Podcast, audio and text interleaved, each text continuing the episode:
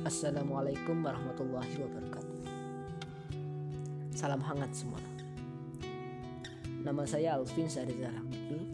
Tim saya 20410503005. Saya dari Prodi Akuntansi Syariah 3 2020 UINKAS Jember. Kali ini saya akan menceritakan kisah Rasulullah dan Ukasyah radhiyallahu Diriwayatkan dari Ibnu Abbas radhiyallahu an bahwa setelah dekat waktu wafatnya, Rasulullah memerintahkan Bilal supaya azan memanggil manusia untuk sholat berjamaah. Maka berkumpullah kaum muhajirin dan ansor ke masjid Rasulullah Shallallahu Alaihi Wasallam. Setelah selesai sholat dua rakaat yang ringan, kemudian beliau naik ke atas mimbar lalu mengucapkan puji dan sanjung kepada Allah Subhanahu Wa Taala. Dan kemudian beliau membawakan khutbahnya yang sangat berkesan, membuat hati terharu Beliau berkata antara lain, Sesungguhnya saya ini adalah nabimu, pemberi nasihat dan da'i yang menyeru manusia ke jalan Allah dengan izinnya. Aku ini bagi membagikan saudara yang penyayang dan bapak yang pengasih. Siapa yang merasa terainaya olehku di kamu semua, hendaklah dia bangkit berdiri sekarang juga untuk melakukan kisos kepadaku sebelum ia melakukannya di hari kiamat nanti. Namun sekali dua kali beliau mengatakan Dan pada ketiga kalinya barulah berdiri seorang laki-laki bernama Ukasyah ibnu Muhsin. Ia berdiri di hadapan Nabi Shallallahu Alaihi Wasallam sambil berkata, Ibuku dan ayahku menjadi tebusanmu ya Rasulullah. Kalau tidaklah karena engkau telah berkali-kali menuntut kami supaya membuat sesuatu atas dirimu, tidaklah aku akan berani tampil untuk memperkenankannya sesuai dengan permintaanmu. Dulu aku pernah bersamamu di medan perang Badar sehingga untaku berdampingan sekali dengan untamu. Maka aku pun turun dari atas untaku dan aku menghampiri engkau. Lantas aku pun mencium paha engkau. Kemudian engkau mengangkat cambuk memukul untamu supaya berjalan cepat. Tetapi engkau sebenarnya telah memukul lambung sampingku. Saya tidak tahu apakah itu dengan engkau sengaja atau tidak, ya Rasulullah. Ataukah barangkali maksudmu dengan itu hendak menuju untamu sendiri? Kemudian Nabi menyuruh Bilal supaya pergi ke rumah Fatimah. Supaya Fatimah memberikan kepada cambukku, kata beliau. Lalu Bilal segera keluar masjid dengan tangannya, meletakkannya di atas kepalanya. Ia heran dan tak habis pikir. Inilah Rasulullah memberikan kesempatan mengambil kisos terhadap dirinya. Setelah itu, diketoknya pintu rumah Fatimah yang menyahut dari dalam. Siapakah di luar? Saya datang kepadamu untuk mengambil cambuk Rasulullah. Jawab Bilal. Duhai Bilal, apakah yang akan dilakukan ayahku dengan cambuk ini? Tanya Fatimah kepada Bilal. Ya Fatimah, ayahmu memberikan kesempatan kepada orang lain untuk mengambil kisos terhadap dirinya. Bilal menegaskan.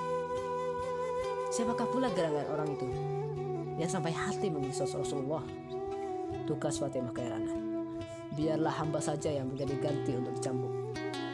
Bilal pun mengambil cambuk dan membawanya masuk masjid. Lalu diberikannya kepada Rasulullah. Dan Rasulullah pun menyerahkannya ke tangan Ukasyah. Dan pada saat itu, suasana mulai tegang. Semua sahabat bergerak. Semua orang berdiri. Jangankan dicambuk. Dicolek saja, ia akan berhadapan dengan kami. Mungkin begitu mereka bicara dalam hati. Semua mata melotot menandang Ukasyah dan sebilah cambuk. Dan saat itulah Abu Bakar dan Umar radhiyallahu bicara. Hai Ukasyah, kami sekarang berada di hadapan. Pukul kisoslah kami berdua dan jangan sekali-kali engkau pukul Rasulullah Shallallahu Alaihi Wasallam. Mungkin saat itu Umar meraba pedangnya. Seandainya saja diizin, diizinkannya akan aku penggal kepala orang yang menyakiti Rasulullah. Rasulullah menahan dua sahabatnya. Berkata sang pemimpin yang dicintai. Duhai sahabatku, duduklah kalian berdua. Allah telah mengetahui kedudukan kamu berdua. Kemudian berdiri pula Ali bin Abi Thalib sambil berkata, kali ini lebih garang dari sahabat Abu Bakar. Hai Ukasyah, aku ini sekarang masih hidup di hadapan Nabi Shallallahu Alaihi Wasallam. Aku tidak sampai hati melihat kalau engkau akan mengambil kesempatan kisos memukul Rasulullah. Inilah punggungku, maka kisoslah aku dengan tanganmu dan deralah aku dengan tangan engkau sendiri. Ali tampil ke muka, memberikan punggungnya dan jiwa serta cintanya buat orang yang dicintainya. Subhanallah. Ia tak rela sang Rasul sakiti. Lalu ia merelakan berkorban nyawa untuk sang pemimpin. Nabi pun menahan. Allah Subhanahu wa taala telah tahu kedudukanmu dan niatmu wahai Ali. Ali surut bergantianlah. Kemudian tampil dua kakak beradik yaitu cucunya Hasan dan Husain.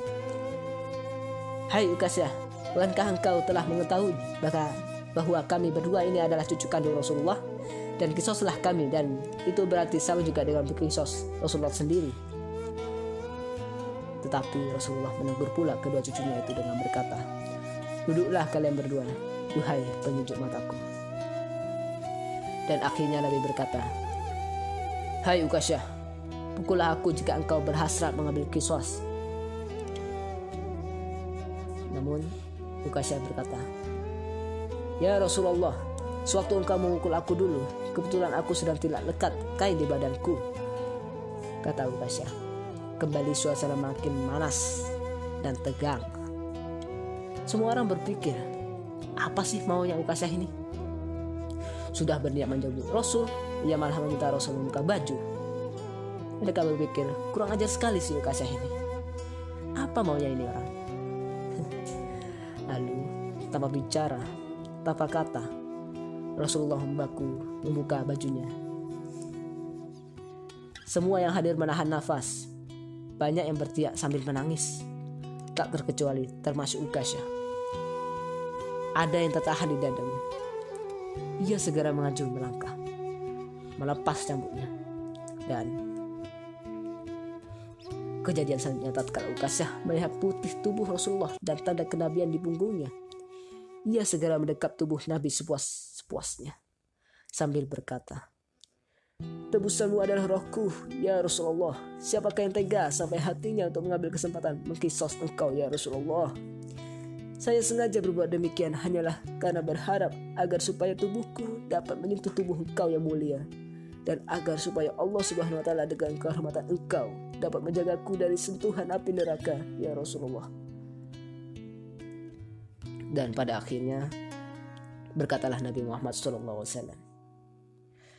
Ketahuilah wahai para sahabat, barang siapa yang ingin melindungi, melihat penduduk surga, maka melihatlah kepada pribadi laki-laki Lantas bangkit berdirilah kaum muslimin beramai-ramai mencium ukasyah ini di antara kedua matanya. Rasa curiga berubah menjadi rasa cinta. Buruk sangka berubah menjadi bangga Berkatalah mereka, Berbahagialah engkau yang telah mencapai derajat yang tinggi dan menjadi teman Rasulullah SAW di surga kelak.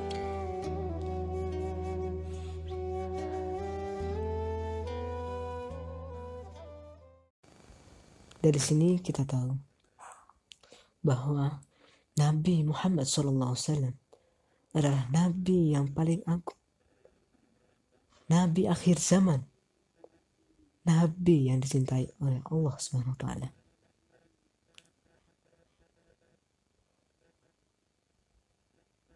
Walaupun beliau adalah seorang nabi, dia rela mengisoskan dirinya sendiri untuk mempertanggungjawabkan apa yang telah dia lakukan kepada sahabat-sahabatnya, kepada semua orang. Dari ke Syahrul an kita dapat mengambil bahwa kita sebagai umat muslim harus mencintai Allah Subhanahu wa taala dan Rasulullah sallallahu alaihi wasallam untuk mendapatkan hikmah dan rahmat darinya. Semoga kita dijauhkan dari api neraka. Oh, amin. Allahumma amin. Sekian dari saya, kurang lebihnya mohon maaf. Wassalamualaikum warahmatullahi wabarakatuh.